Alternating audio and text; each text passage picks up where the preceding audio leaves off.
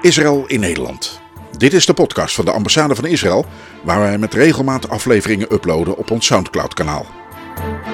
In de podcast is er aandacht voor het grote verhaal van Israël, maar ook oog voor detail. Gesprekken met diplomaten en met gewone burgers. Joodse traditie, innovatie en toerisme. Luister hier dus naar de stem van Israël in Nederland. Van harte welkom bij deze nieuwe aflevering van Israël in Nederland. Dit is de plek waar u verhalen en informatie over Israël beluistert. Over de Joodse wereld en de relaties tussen Nederland en de Joodse staat. Mijn naam is André Diepenbroek en ik ben uw gastheer. Ik weet niet hoe het met u is, maar vanaf de aanloop naar Pasen en Pesach ieder jaar belanden we met elkaar in het herdenkingsseizoen. En er hoort een klank bij, een toon. Deze. Het is de toon waarmee Bachs meesterwerk de Matthäus Passion begint.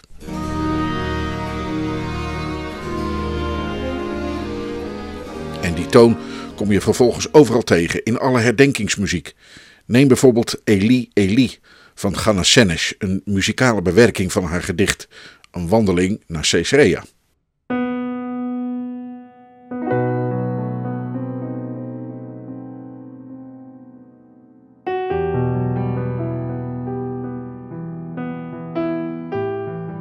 En ook in het Hatikva tref je hem aan.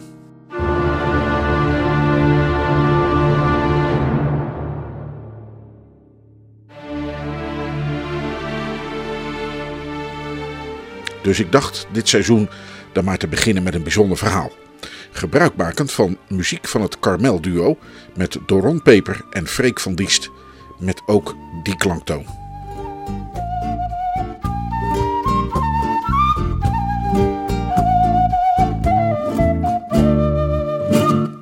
Dr. Racheli Krijsberg is in het dagelijks leven werkzaam als innovatieattaché bij de Nederlandse ambassade in Tel Aviv.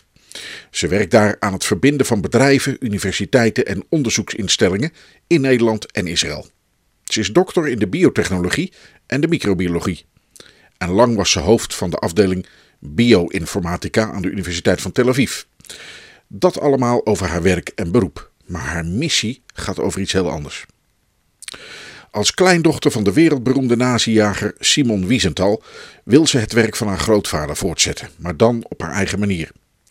Techniek koppelen aan het herdenken van de Holocaust. Nu de afstand in tijd tot de Shoah groter wordt en overlevenden ons ontvallen, is het des te belangrijker om met alle middelen te blijven herdenken. Zo werd een serieus online dataproject geboren, wat luistert naar de goed in het gehoor liggende naam Swiggy. Je kunt straks met je smartphone op stap en de wereld, de families en de gezichten van een hele weggevaagde wereld opnieuw op het netvlies terugbrengen. Ik maakte een afspraak met Racheli in Den Haag om met haar op zoek te gaan naar die verdwenen families, naar de plek waar ze woonden, om ons hun leven opnieuw voor ogen te halen.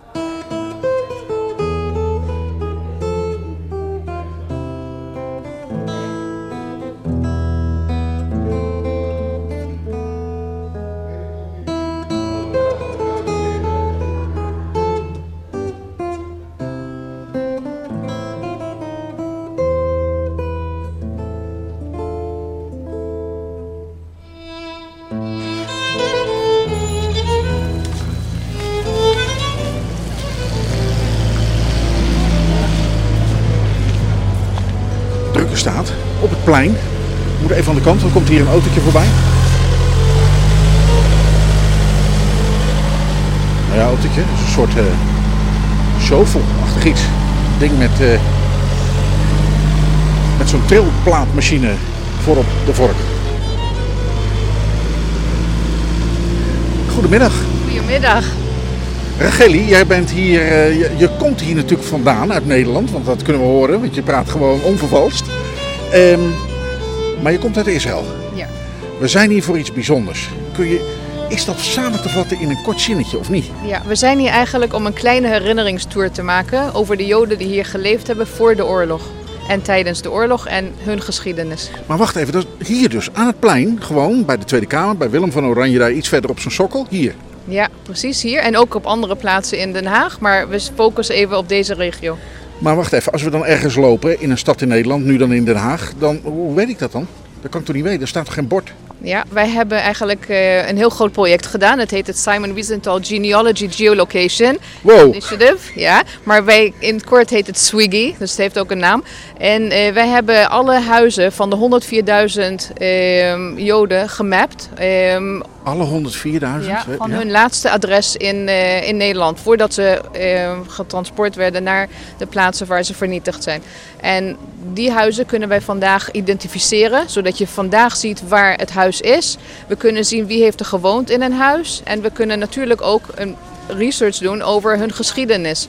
Wat we noemen genealogy research. Maar wacht even, dan maak je die mensen weer zichtbaar eigenlijk. Zeker. Niet alleen maar dat we de mensen zichtbaar maken, maar ook hun families. Dus je kan zien in een gegeven huis dat daar wonen de vader, de moeder en drie kleine kinderen. En dat is allemaal op deze manier te zien. Maar dat is eigenlijk raar. Hè? We staan hier aan een drukke straat. Er zijn allemaal gezellige terrasjes. Mensen zitten aan de koffie of aan, een beetje vroeg, maar ze zitten al wel aan het bier af en toe. En, en er komen hier allerlei wenkelende mensen langs en zo. Dat dat hier wel gebeurd is. Hè? Ja, zeker. Het is niet hier gebeurd omdat we nu op het plein zijn en het is deze centrale en mooie plaats. Het is overal gebeurd. Maar wat wij laten zien als we hier op het plein zijn, dat we daar even aandacht aan kunnen besteden. Maar eigenlijk kunnen we, kunnen we ons er een voorstelling van maken, denk je?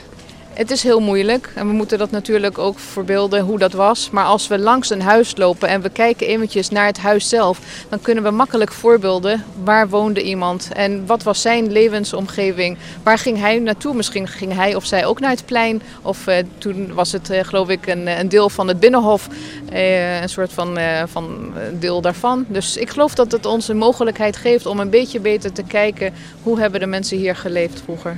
Nou heb ik een makkelijke middag, want ik ga op sleeptouw bij jou. Daar gaan we. Goed zo, oké.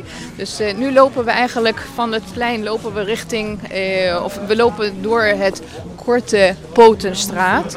En eh, de huizen zijn in Nederland altijd heel erg mooi genummerd. Dus wij, ik zal je eigenlijk laten zien waar een paar van de huizen zijn waar de Joden vroeger in woonden. Het is aan beide kanten. We komen hier langs een apotheek Ja, zijn... eh, en een lampen of een interieurzaak met eh, allerlei aantrekkelijke bankstellen in de, in de etalage. Een supermarkt waarvan we de naam ook niet mogen noemen. Maar het heeft iets met dennenbomen te maken. En dan komen we bij een juwelier. En aan de andere kant hebben we een pizzeria, een eh, soort drogisterij met dure luchtjes. En we hebben hier een Holland Souvenirs. Nou, alles is er. Zeker. Maar op elk huis kan je ook zien dit straatnummer. Dus laten we even naar links kijken. En kijk hoe mooi. We zien een smal huis met drie ramen. Dus twee verdiepingen of drie verdiepingen. De etage, eh, de, de begaande etage en dan nog twee verdiepingen. En omdat het zo mooi is in Nederland dat de ramen eigenlijk zo open zijn, relatief. Kan je ook eigenlijk niet alleen maar naar binnen kijken. Maar je kan ook je voorbeelden. Hoe was het voor de mensen toen zij zagen wat hier allemaal gebeurde? Hoe erg het werd. Dus ik geloof dat een bepaalde interactie tussen ons en dit huis geeft ons een gevoel. Wat waren de laatste momenten van deze mensen? Dus die men, ja, want je, dat is waar wat je zegt. Want de- wij zien eh, de begane grond is een, eh, ik denk een, eh, een nagelsalon, zoiets. En daarboven is dan, nou, er zijn nu de gordijnen weliswaar dicht. Maar je kunt je voorstellen, er was iemand misschien aan het stoffen of zo. En die keek eens naar buiten. Ja, nu staan wij er, maar toen liep er misschien een kolonne Duitse soldaten voorbij. Ja, zeker. En wat wij hebben in Swiggy, dus we hebben Swiggy Nederland, dat is een, een eh, daar heb je mogelijkheid om de, deze informatie ook na te kijken. Dus je kan Swiggy, ehm, ehm, je kan search it, oké, ik weet niet hoe dat in Nederland zegt. Je kunt erin zoeken, hè, de locaties En zoeken. dan als ik bijvoorbeeld kijk naar wie woonde op de Oh, korte het, je hebt het hier uitgeprint. 20. En inderdaad, die, het is de witte voorgevel met de nagelsalon onderin. Ja, en wat we hier zien is dat meneer Aaron Croisset, die is geboren op 23 augustus 1914 in Den Haag. Dus hij is ook hier geboren en hij is naar Auschwitz eh, getransporteerd op 21 augustus 1942. Dus we zien dat op, in dit specifieke huis woonde deze meneer. En als we naar een volgende huis gaan, dan zien we weer de namen toch- van anderen. koud van? Ja, heel erg. Te- hè, nou ja, nogmaals, we, we- mensen op, op de fiets, mensen op een terras. Eh, hier eh, naast ons is net een bezorger gestopt eh, die, die in zijn telefoon het volgende adres opzoekt. En, en ja, nu vertel je dit eigenlijk. Ja. Laten we naar het volgende huis gaan, want Gaan we dan doen. kunnen we ook zien We moeten natuurlijk een, een tocht maken. Kun je dit nou ook gewoon op je telefoon eh, hebben Ja, dan? je kan het op de telefoon doen. Je kan dus eh, kijken als je daar zoekt naar een straat in een gegeven stad. Je kan kijken naar een provincie als je daar geïnteresseerd je voor bent. Je kan kijken voor een achternaam. Waar heeft achternaam Polak bijvoorbeeld gewoond in Nederland? Dat zijn er een heleboel. Ja, inderdaad. En hier staan we nu naast huis nummer 25. Nummer En in- 25, dat is nu Ja. een, kledingreparatie en stomerij. Ja, dus weer kunnen we Met een, eh, een hele. Laten we even naar de andere kant gaan. Eh, buiten staat er een rek met eh, riemen in alle soorten en maten en kleuren. Links een, eh, van de ingang een, een rek met tassen. En dan nou, een soort eh, ja, zo'n zonnescherm. Zo'n, zo'n, ik zoek even naar het woord. Zo'n gebogen zonnescherm. markiezen zijn het. En dan daarboven hebben we, ja, zie je dat weer? Ja. De etagewoning Ja. Waar mensen gewoond hebben. Ja, en in dit geval wat ik je kan vertellen is dat hier woonde een familie. En je kan dat zien, dat is de familie Cohen. En er waren hier Belia, Jonas en Michiel. En wat je ziet is dat Belia is geboren in 1915 en haar ouders, want we zien dat die twee mensen veel ouder waren, zijn geboren in 1858 en in 1878. Dus naar het huis, dus kijken we naar het huis en we zien ook dat hier was een familie en die zijn op verschillende datums zijn ze eh, gedeporteerd naar Sobibor, naar Birkenau en naar Auschwitz-Birkenau. Dus je kan je voorstellen, ik kijk naar een huis waar deze familie woonde en ze zijn niet allemaal samen hun laatste weg gegaan. Dus Dat toch? ja. En we hebben ook huizen waar we zien dat alle mensen op hetzelfde moment zijn eh, vervoerd. Dus dit is wat we in dit huis kunnen Op zien. een of andere rare manier lijkt me dat iets minder erg. Is dat gek? Ja, het is, het is gek eigenlijk. Ja, maar maar als een gezin eerst ook nog aan elkaar wordt gehaald en mensen op allerlei verschillende eh, tijdstippen zijn, zijn afgevoerd. Ja, maar hier kan je bijvoorbeeld zien dat de vader die is al in 1942 vermoord, in oktober 42. En het meisje Belia in juni 43. En Michiel, de vader, eh, sorry, de, dat moet dan De zoon zijn. Ja, Machel is het misschien. Ik kan niet goed lezen hier. In mei 1944. Dus je kan ook Er die zitten ook jaren weg- tussen. Ja, heel erg. Ja. En, en inderdaad, ik moet zeggen dat het werkt. Dat klinkt heel, eh, misschien een beetje, een beetje raar, maar Ja. je staat voor een huis ineens wordt het zichtbaar. Ja. En ik kan me voorstellen dat je bij een monument staat en er nou, er zijn vaak hele erge getallen, zoveel mensen en al die dingen. ja. Maar goed, het is toch nog, nou ja, een monument Ja. is ook vaak mooi, maar dit is heel rauw, dit is hun huis. Ja, ook iets wat we laten zien in Swiggy is we laten zien waar zijn alle 104.000 eh, Joden naar gedeporteerd. Dus we hebben een kaart, en je begint dan vanuit Nederland en je kan zien dat de grootste deel van Joden zijn gedeporteerd naar Auschwitz en daar naar Sobibor. Maar we laten ook alle andere locaties zien. En als je dan gaat bijvoorbeeld naar Sobibor, dan kan je daar weer een lijst zien van alle mensen die daar eh, vermoord zijn. Maar wat was hun oorsprong? Dus kwamen zij uit verschillende eh, regio's van, eh, uit Nederland. Jongen, jongen zeg. Hey, je hebt hier een print-out en er zit, een grafiekje in of een, een staatje hè, met al die namen en zo. Maar ook een fotootje van het pand. Zit dat ook in Swiggy? Dus als ik dat op mijn telefoon heb, stel dat ik het vanaf de bank wil doen omdat het regent buiten. Kan Ja. ik dat ook doen? Je, kan eh, in Swiggy kan je deze kaart zien. Dus je kan ook zien waar was het huis. En dan kan je selecteren hoe lived in dat huis. Dus wie heeft in het huis gewoond. En voor eh, mensen waar wij ook eh, de, de, de research voor doen, kan je ook hun stamboom zien. Dus ik kan, zometeen vertel ik je over een familie waar Ja. we een hele stamboom hebben. Oh, en meer dan natuurlijk die drie mensen waar ik je het hier over vertelde. En ook wat we noemen een Simon Wiesenthal Holocaust Memorial. En wij maken een plaatje voor elk persoon die vermoord is. En meerdere eh, van zulke memorials kunnen gemaakt worden per persoon. En ieder kan dan de informatie over zo'n eh, familielid of een bekende invullen, inclusief een little bit of eh, hun biografie, een foto. En, eh, En die memorial, dat is dan een online memorial. ja, zeker. En dat is de manier waarop wij willen dat mensen ook Swiggy kunnen ehm, zoeken, in Swiggy kunnen zoeken. Maar het is ook interactief. Dus je dan kaars aansteken. Fantastisch, er is een hele wereld in je, in je telefoon. Ja, dus je kan een Simon Wiesenthal Holocaust Memorial kaas aansteken. Dus het is natuurlijk eh, digitaal, maar je doet dat. En je kan ook zo, een bibliogra- eh, zo eigenlijk een bibliografisch memorial maken voor iemand. En ons idee is dat every person has a family. Het is waar dat every person has a name. Maar de naam van een persoon is niet genoeg om een persoon daarna ook te herinneren. En daarom geloof ik dat het belangrijk is dat we de research doen. Dat we weten wie waren de mensen in de tijd en wat waren hun familieleden. Maar ook hoe zijn die familieleden gelinkt aan ons. Is het misschien mijn familie? Ga ik naar het nu huis van iemand die van mijn familie was en die vermoord is op deze plaats en hij woonde hier? Zullen we, gaan verder. Er hangt hier ook een, beetje een doordringende wietlucht. Wordt een beetje na van. We gaan eh, verder. Eh, blijven we op deze straat of moeten we de hoek om? We gaan eh, eigenlijk tot het eind van deze straat alleen maar om te laten zien dat het ook vol, soms kunnen grote huizen zijn. Dus we kijken hier naar huis nummer 32.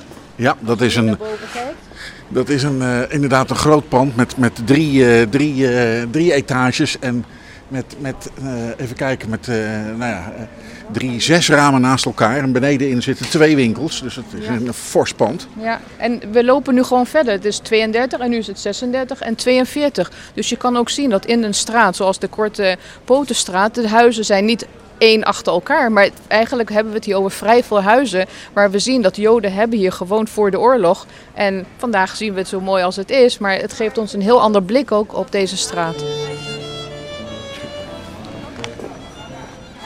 Nou lopen wij, ik loop natuurlijk met een microfoon en een koptelefoon op en mensen kijken naar ons en zo. En, maar maar, maar ehm,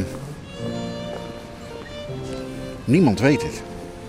Het eh, is iets wat wij ook proberen natuurlijk eh, te implementeren, zodat zoveel mogelijk mensen, ook in Nederland en ook in andere landen, toegang hebben. Want het is digitaal, dus je hebt toegang naar deze informatie. En we zouden heel graag willen dat er zoveel mogelijk kaarsen zouden worden aangestoken voor mensen die vermoord zijn. En dat kan natuurlijk iedereen doen. Ook als je nu in de horlogezaak eh, tegenover woont of, of, of daar je zaak hebt.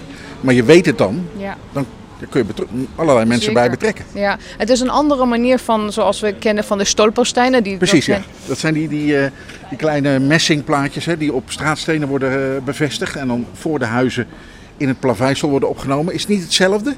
Of is het een aanvullend iets? Het is zeker aanvullend en ik voel ook dat omdat je ziet hoe we het tot nu toe hebben gedaan, als het een stolperstein is, dan kijken we echt naar beneden. Dat is ook een van de dingen die gezegd worden over die stolpersteinen. We zijn gemengde gevoelens. Maar wat jij en ik nu aan het doen zijn, we, kijken kijken nu naar boven. Ja, en, we, en het is een ander gevoel. Hier zie je een heel groot huis en wat uniek is in dit huis, het betekent niet dat per se er was één familie per huis. Er konden ook vijf of zes of tien families in de tijd van de oorlog in een huis gewoond hebben. Want mensen moesten natuurlijk, werden allemaal bij elkaar in, eh, Ja. raakten hun bezittingen al kwijt en zo. Ja, zeker. Kun je toch niet voorstellen. Nu staan we voor 42 in de christelijke boekwinkel in. Ja, En daarboven zie ik keurige plantjes voor de ramen staan. ja, De gevel ziet eruit als kort, kort geleden bijgewerkt. ja. Ik zie een vaardoekje bij, eh, over een keukenkastje, over een, een, een handvat hangen. Ja. Kun je toch niet voorstellen, Ja. hè? En ik geloof dat eh, we hebben gezien dat in deze korte, korte Potenstraat hebben we meerdere huizen kunnen zien. En dit is wat wij noemen een geolocation tour. Dus hier gaan we naar een specifieke locatie en we kijken huis per huis wie er gewoond heeft. Maar we kunnen het ook op een andere manier benaderen. En dat is we kunnen een genealogie-tour doen. Oké, dus dat is, een, dat is een stamboom. Dat is een stamboom, dus we weten van een familie. En we kijken dan komt even iemand op een eh, skateboard voorbij. Hij biedt netjes zijn verontschuldiging aan. Dus dat is aardig. Ehm, dus dan kunnen we kijken waar heeft een familie gewoond. En een familie heeft natuurlijk een grotere familie, woonde in meer dan één huis. En Dus het is Misschien ook wel meerdere plaatsen in Nederland. Zeker, ook buiten Nederland. En bijvoorbeeld als voorbeeld geef ik je even Hoge Zand nummer 92. Daar is een huis waar eh, we een familie hebben die heet de familie eh Cohen. En dat was eh, oorspronkelijk in dat specifieke huis was het een vader en een moeder en een kind. De familie kwam eh, uit Roemenië.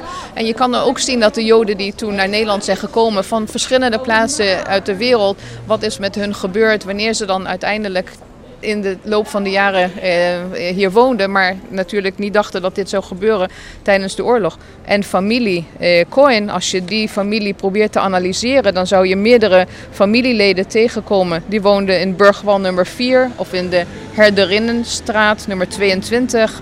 En ehm, meerdere huizen zijn dan huizen waar deze familie in woonde.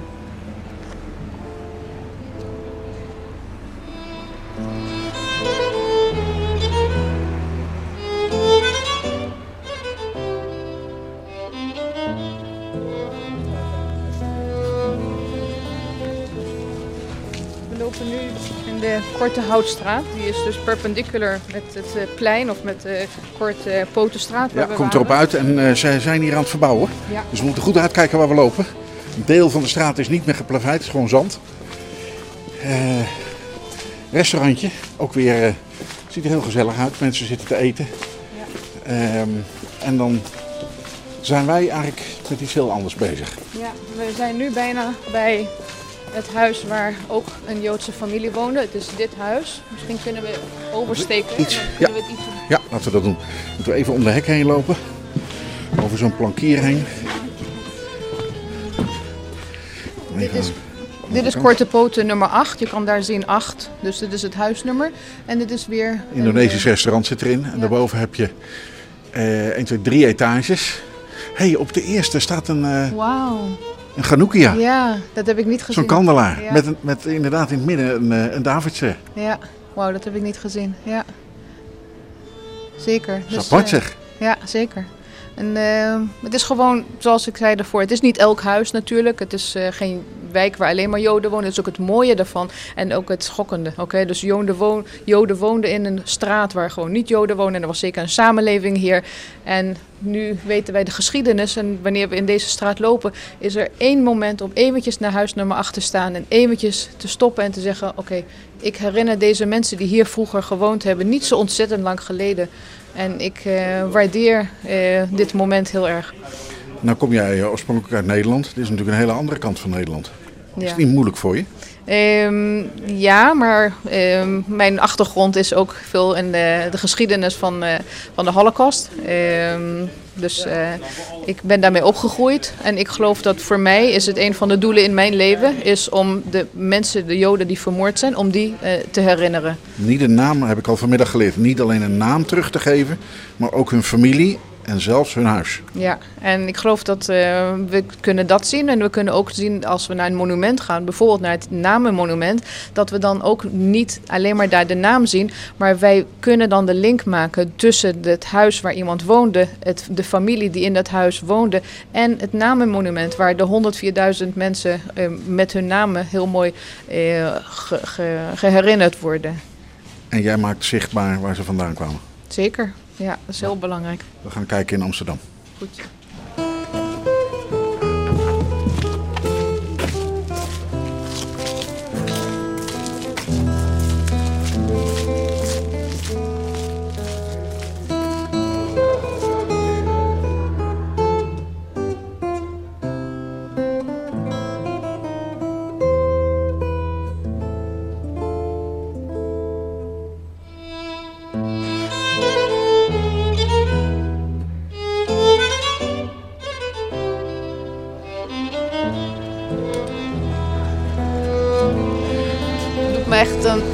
Denken van hoe was dat vroeger. Ja, hoe was het vroeger? We lopen hier natuurlijk in, een, eh, in het Joods kwartier, zoals dat heet. We komen nu bij het eh, Jonas Daniel Meijerplein, waar de, de dokwerker staat. Aan de andere kant van de straat zien we het Joods museum, maar dat, was, dat waren natuurlijk de Askenazische eh, synagoges. Ja, en wij komen nu net uit de Portugese synagoge. Ja. En dat hier samen te zien, heel erg indrukwekkend. En we lopen nu naar het Joodse monument. Het namenmonument. Dat is eigenlijk nieuw. Ehm, bijzonder ontwerp van iemand die ook in Duitsland het, eh, het ontwerp heeft gedaan van het Joods Museum in Berlijn. Ehm, Daniel Liebeskind. precies.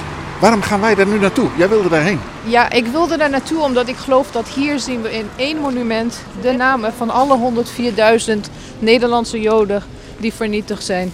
En ik geloof dat dat een, eh, eigenlijk een plaats is waar we zoveel mensen zien met hun naam. En wat we daarvoor hebben gedaan toen we nog in Den Haag waren, hebben we gekeken naar individuele. Dus op die manier zien we dat hier hebben we een monument van alle Joden die natuurlijk overal in Nederland woonden. En Ja. die we dan via het project wat ik ontwikkel zouden kunnen bezoeken in hun plaatsen waar ze vroeger gewoond hebben. Hun eigen leefomgeving van toen. Ja, dat is zo.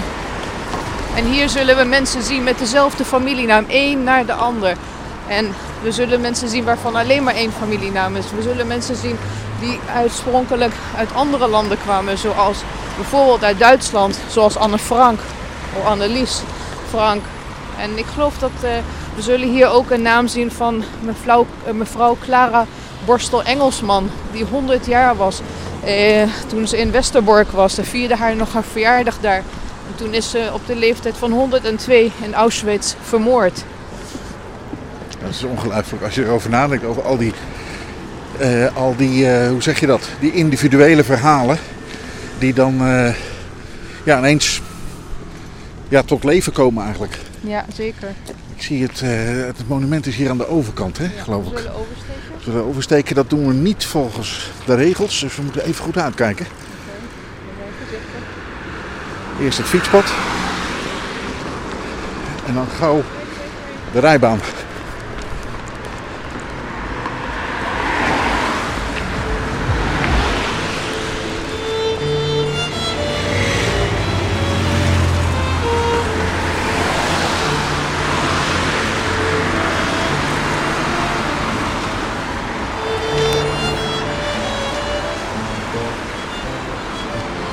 Spiegelend glas is wat ik zie.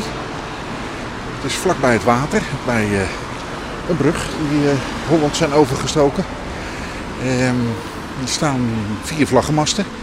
Die zijn leeg. En daar is dan eh, ja, het, spiegelmonument wat, wat eigenlijk ja, een, in het groot een woord vormt. Herdenking, of herdenk, eigenlijk een opdracht. Score en dat is helemaal in spiegelglas gemaakt. Dus je ziet jezelf als je, als je een, beetje, een, beetje er, eh, een beetje lang bent. Ja. Heb je verteld dat we ook de letters van Zagol hier ja, zien? ja, Ah, precies. Her- herinnering, maar dan eigenlijk als een opdracht. Herdenk. Ja, Zagol. Een, een eh, gebiedende wijs. Ja, inderdaad. Maar dat zie je eigenlijk alleen van boven. Hè? Dat zie je niet hier van opzij, die, dat, Ja. dat, dat woord. Alleen maar van boven. En als je hier beneden bent, ook oh, tijdens de dag, dan kan je zien, het is net zoals echt een pad. En je loopt één hele galerij. Ja, en dan een ander. En het houdt maar niet op. Ja, ja. We zien het al wel een klein beetje. We lopen nu op een eh, trottoir wat, eh, met een keurige geknipte heg ernaast. En dan zie je gewoon ja, allemaal bakstenen muren eigenlijk. En wat dan ineens wat je dan ziet, is dat het allemaal rechte bakstenen zijn die allemaal recht boven elkaar. Zo worden normale muren nooit gemetseld. Die worden altijd om en om gemetseld. En dan zie je, ah maar er staat iets op die stenen. Ja. Murenlang. Tjonge, jongen. Ik moet hier even om een, eh, om een eh, wegwerken heen. Hekken met eh, een grote zandkuil. En dan komen we bij de ingang. Even eromheen lopen. Nationaal Holocaust Namenmonument. ja. Het is alfabetisch georganiseerd. Oké. We moeten even uitkijken dat we de trap goed nemen, want dat zijn kleine treetjes. Waar gaan we naartoe? Ehm, laten Want je, we kunnen een, eh, overal een pad insteken eigenlijk, maar dat doe je niet. Ja, nee, laten we eventjes gaan naar ehm, het, eh, de naam van Anne Frank. Ja. Nu zijn we hier bij de letter S. S, Selma Stiefelhaas, Elze Stiefelkaan, Helene Stiefel Lur, Luri Naast de naam zien we natuurlijk ook de leeftijd van de mensen. en de geboortedatum. Ja, 1910, ja. 1887, 1907, 1914. Rijen, murenlang. Even kijken, even om een soort eh, dezelfde stijl gemaakte bank. En je kunt inderdaad zien boven je, als je dus tussen de, tussen de muren staat, boven je heb je die spiegelende ja. letters van het woord Zagor. Dus hebben we de letter G.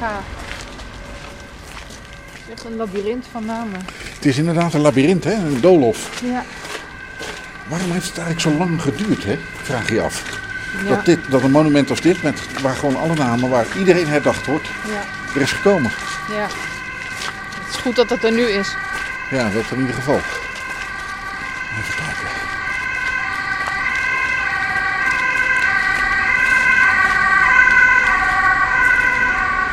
Bij de G gaan ze uit.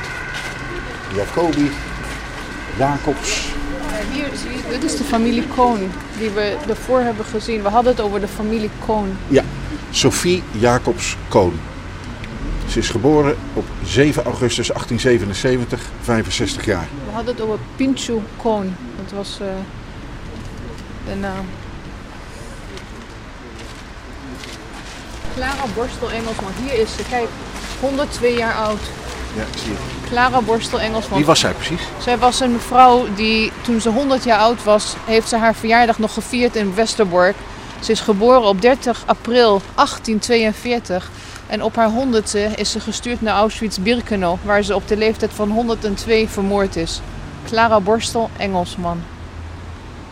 Het is gewoon surrealistisch. Hè? Wa- wa- Wat bezielt een organisatie om een 102-jarig iemand nog Ja. iets aan te gaan doen? Ja, en je kan een foto zien waar ze gewoon ligt. Alsof ze weet je, eh, in een ziekenhuis is, gewoon op een bed. Eh, maar dat was geloof ik het vieren van haar verjaardag. Zo, Zullen we nog proberen om eh, Anne Frank... Anne Frank te vinden. Ja. Gaan we doen.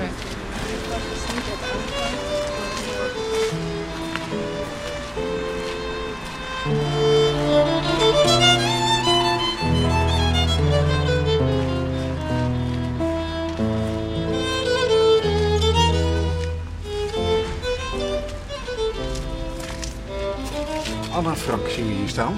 Ja, het 14 is jaar.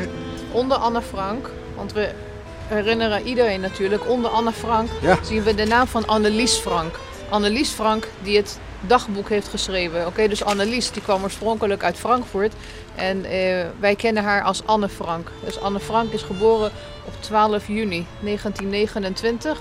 Ja. En is vermoord eh, toen zij... eh, Even seconde, wat staat hier? Toen zij 15 jaar oud was. Ja, want de andere namen, dat zijn Anna Franks. En dat, ik zag er twee, eh, eh, Ja. eh, twee eh, meisjes staan, of twee... Ja, en we, we kunnen ook kijken of we haar zusje vinden, Margot Frank. Margot, oh ja. En haar moeder en haar grootmoeder. eh, grootmoeder maar. Dus Kijken. als dit Bet- Anne Frank. Betty Frank zie ik hier. Ja, Goed, dat is een spin. ja. Ja, een spinnetje. Dus kijk, ja, ontzettend Hein. Israël, Judith, Louis, Max Frank, Max, Max, Max. hier Maurits. Margot, Frank, daar is ze. Ja. Hier 19 is- jaar. Ja, hier is het zusje 16. van Annelies Frank, van Anne Frank. 16 februari 1926. Ja, Ehm, ik kan je ook hier misschien iets kleins vertellen. Wat Ja, te maken heeft tussen... want je wilde eh, speciaal hier naartoe, naar ja, deze steen. De reden dat ik naar Anne Frank wou natuurlijk is omdat Anne Frank heel erg beroemd is. Maar ook omdat er een speciale connectie is met mijn grootvader. Mijn grootvader was Simon Wiesenthal en hij heeft zijn leven besteed aan het zoeken van nazi's. En eh, een van de dingen wat mijn grootvader deed was ook ehm, Holocaust denial. ehm, Bestrijden, Bestrijden te- tegen Holocaust denial. En dat was iets wat gebeurde in het begin van de jaren 50ste toen hij nog in Linz woonde. En er werd verteld dat er een toneelstuk speelt over Anne Frank. En de mensen zeggen dat Anne Frank helemaal niet bestond. En dit is alleen maar een idee van de Joden om ook meer geld te krijgen van, eh, van de Duitsers. En, eh, daarom, Dat werd verteld toen. Dat werd toen verteld. En ze kwamen naar mijn grootvader en vroegen aan mijn grootvader: wat kan je hiermee doen? En toen zei mijn grootvader mm, dat het belangrijk zou zijn om de Gestapo-officer te zoeken. ehm, die degene was die de familie van Anne Frank hier heeft opgepakt in Ja. Amsterdam. En mijn grootvader die woonde gedeeltelijk eh, in Linz in die tijd, maar later ook in Wenen. En ook, eh, bezo- hij kwam meerdere keren op bezoek in Nederland. En eh, hij werd ook geholpen door eh, een Nederlands object. En dat was een telefoongids van telefoonnummers uit, de uit de tijd van, de- van Hij de gewoon- oorlog. Hij is gewoon een telefoonboek afgegaan. Ja, hij was eigenlijk een intelligentiepersoon. en eh, er waren ideeën dat degene die Anne Franks familie heeft opgepakt, die heette Zilbernagel. En toen mijn grootvader in het vliegtuig zat met, dat grote, met die grote telefoongids, eh, ging hij langs die hele lijst en hij zag, er was een naam Zilberbauer. Karel Zilberbauer. En hij is toen begonnen te kijken of hij meneer Zilberbauer kan vinden. Er waren acht Zilberbauer en je moet natuurlijk de juiste vinden. Want zodra je iemand vindt die het niet is, dan hoort de juiste persoon dat meneer Wiesenthal op zoek is. En die is weg dan. En dan is die weg. En dus mijn grootvader was in staat om de juiste Karel Zilberbauer te vinden. En hij heeft ook gezegd dat hij degene was die eh, de familie van Anne Frank eh, heeft opgepakt. En het belangrijke daarvan is dat op deze manier heeft mijn grootvader kunnen ehm, laten zien dat het dagboek van Anne Frank geen fictie is en dat het echt was en dat de familie van Anne Frank inderdaad de familie is waar wij zoveel over weten. En daarom geloof ik dat op dit speciale moment kunnen wij ook de connectie leggen tussen het Nederlandse meisje Anne Frank en eh, het werk wat mijn grootvader heeft gedaan, waarvan natuurlijk dit één highlight is. Wat we tot vandaag moeten doen. Het hele topic of het hele thema van Holocaust denial is heel erg belangrijk. En, heel erg actueel en wijd verspreid via internet tegenwoordig. Ja, zeker. ik vind het eigenlijk ook wel heel best bijzonder dat ik naast een kleindochter van Simon Wiesenthal sta. Uh, Racheli, ehm, in hoeverre is jouw hele zoektocht en je hele bouw van die, van dat, van die databank met alle, met alle ehm, nou ja, geolocaties erin. Het is eigenlijk een moderne manier van ja, herdenken. Door het online te gaan zitten doen met iets wat bijna een app is. Hè. Je kunt dan straks daar gewoon met je telefoon in rondgaan.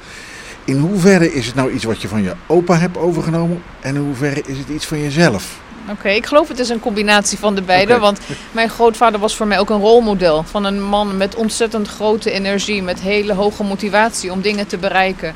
En eh, wat ik heb gedaan in de loop van de laatste twintig jaar is heel veel informatie eh, verzameld over eh, eh, huizen in Galicia, waar mijn grootvader oorspronkelijk vandaan kwam.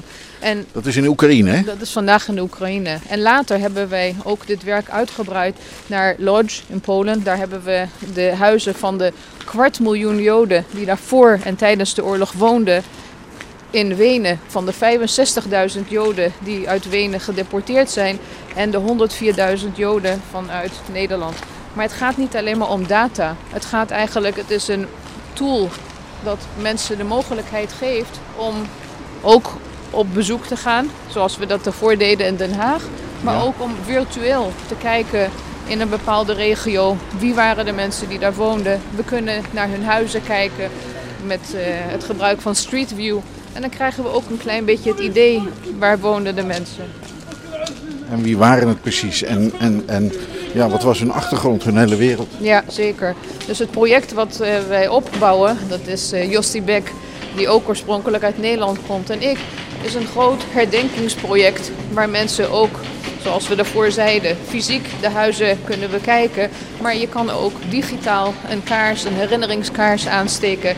En je kan je research doen over de familieleden waar je eigenlijk ietsje meer over wilt leren.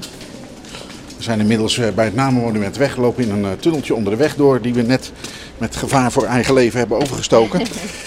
um, Racheli, hoe, als nou mensen zitten te luisteren en denken, oh daar wil ik gaan kijken bij dat Swiggy. Hoe, hoe, doe, hoe doe je dat? Want er is nog niet een app, begreep ik, maar hoe doen we het dan? Oké, we hebben een website. En eh, om nou op de website te komen, schrijft men Simon Wiesenthal in één woord. En dan dash Galicia dash AI van artificialintelligence.com. Ik zal je die naam daarna sturen, zodat je dat mee kan delen met de mensen. De reden dat wij de AI daarachter hebben gezet, is omdat de data die wij vandaag hebben moet en kan geanalyseerd worden door eh, professoren op universiteiten, door... Ik wou zeggen, dit is voor, voor onderzoek een schat aan informatie. Ja. Ja, zeker. En ik geloof dat dat ook nog een, eh, een, toegevoegde waarde is van het werk wat we aan het doen zijn. Dat we heel veel verschillende soorten data aan elkaar koppelen en het toegankelijk maken voor eh, researchers, voor studenten, voor kinderen op school die iets willen leren. En daarom eh, doen we dit werk. Nou, we gaan de, het, eh, het, webadres ook keurig nog even op de website zetten. Zodat we, uh, iedereen het kan, uh, de site kan bezoeken. komt er nog een app aan? Een app zal er hopelijk in de toekomst komen. En als er iemand is die geïnteresseerd is om daarmee te helpen, dan bij all means. Dus, Kijk, nog een, nog een oproep op. Inmiddels zijn we weer terug bij het Daniel, Jonas Daniel Meijerplein en we zien de dokwerker symbool van verzet, hè? Ja, dat is inderdaad zo. Dat moet onze houding altijd zijn? Um, ik geloof dat het moet zijn voor degenen die dat kunnen. Ik geloof dat als we zeggen dat het zo moet zijn, dat betekent dat we een bepaalde manier van denken hebben over hoe moeten mensen reageren. Maar daarvoor werd er verteld, toen we het hadden over het woord Shoah, over Holocaust, dat mensen reageren op verschillende manieren. Dus ik geloof verzet is één manier. En uh, er zijn ook natuurlijk andere menselijke manieren waarop mensen reageren wanneer ze in zo'n extreme situatie zijn. In ieder geval de boodschap van het Namo-monument en ook van jouw werk is nooit vergeten. Dat is geen optie. Dat is geen optie. Daar gingen mensen de weg over en dat deden ze door rood. Ehm, nog één ding, uh, Racheli. Ehm, is het nou, is Swiggy alleen voor Nederland of zijn er nog meer landen? Oké, Swiggy is niet alleen maar van Nederland. We zijn eigenlijk begonnen met uh, de Oekraïne, met Galicia, met een paar wat we noemen kleine dorpjes of stettels. Daar komt ook de familie Wiesenthal vandaan. En daarna hebben we uh, Polen, we hebben daar de stad van Lodz en we hebben Wenen uh, in Oostenrijk. Wenen? Daar kwam natuurlijk je grootvader vandaan. Mijn grootvader kwam uit Wenen, maar eigenlijk de vader van de familie van mijn vader. We hadden het de hele tijd over mijn moeders familie, maar de familie van mijn vader die kwam uit Wenen, uit het tweede district. En die waren in het jaar 1938 op weg naar Palestina via Amsterdam. En uh, toen mijn grootouders hier aankwamen, werd er gezegd dat alle Joden die op het vliegtuig zijn, werden teruggestuurd naar Wenen. Behalve mijn grootouders. Want gelukkig zaten die naast meneer Gerard van den Brink van de Avifauna. Van uh, de, de bijzondere planten- en dierentuin. Inderdaad. En meneer uh, Gerard van den Brink heeft gezegd dat hij zal mijn grootouders literally under his wing nemen. Dus hij zou voor ze zorgen. En uh, mijn grootvader uh, die was uh, ondergedoken. Terwijl mijn grootmoeder, die niet Joods eruit zag, die kon eigenlijk gewoon vrij rondlopen. En elk weekend kwam er een man op bezoek bij mijn grootmoeder, wie mijn vader eigenlijk niet wist dat dat zijn vader was. Dus mijn vader is geboren in augustus 1939 als Gerard. Dus mijn vader heeft de naam van degene die mijn grootouders hebben gered. Gerard van den Brink. En mijn vader heet tot vandaag Gerard Krijsberg.